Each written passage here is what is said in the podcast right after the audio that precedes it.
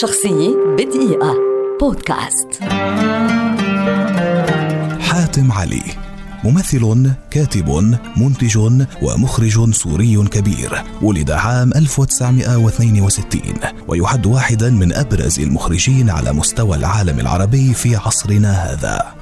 حصل على إجازة في الفنون المسرحية من المعهد العالي للفنون المسرحية بدمشق قسم التمثيل عام 1986 وبدأ مسيرته بالكتابة المسرحية وكتابة النصوص الدرامية والقصص القصيرة. وظهر كممثل للمرة الأولى في مسلسل دائرة النار عام 1988 ثم توالت مشاركاته في الأعمال الدرامية ومن أهمها نذكر هجرة القلوب إلى القلوب الجوارح الرجل سين وعصي الدم. Mama. على صعيد الكتابة. نشر حاتم علي مجموعتين قصصيتين هما ما حدث وما لم يحدث وموت مدرس التاريخ العجوز. وفي السيناريو ألف فيلم زائر الليل كما كتب مسلسل القلاع وألف فيلما تلفزيونيا بعنوان الحصان. وشارك في كتابة فيلم آخر الليل وحصل من خلاله على أول جائزة كمخرج من مهرجان القاهرة للإذاعة والتلفزيون عام 1996 أما في المسرح فكان له عدة أعمال منها مات ثلاث مرات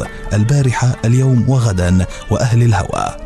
لحاتم علي أيضا مساهمات بارزة في الإخراج السينمائي ومن أهم أفلامه نذكر العشاق شغف الليل الطويل وسيلينا لكن أبرز أعماله على الإطلاق هي تلك المسلسلات الخالدة التي أخرجها في الدراما السورية والعربية ومنها نذكر فارس في المدينة مرايا الفصول الأربعة الزير سالم صلاح الدين الأيوبي التغريبة الفلسطينية صقر قريش ربيع قرطبة أحلام كبيرة العراب قلم حمرة. الغفران أوركيديا الملك فاروق حجر جهنم وكأنه امبارح بعد مسيرة استثنائية حافلة بالإنجازات والجوائز والتكريمات رحل المبدع حاتم علي بالأمس في التاسع والعشرين من ديسمبر 2020 وهو في عز العطاء عن عمر ناهز 58 عاما. شخصية بدقيقة. بودكاست.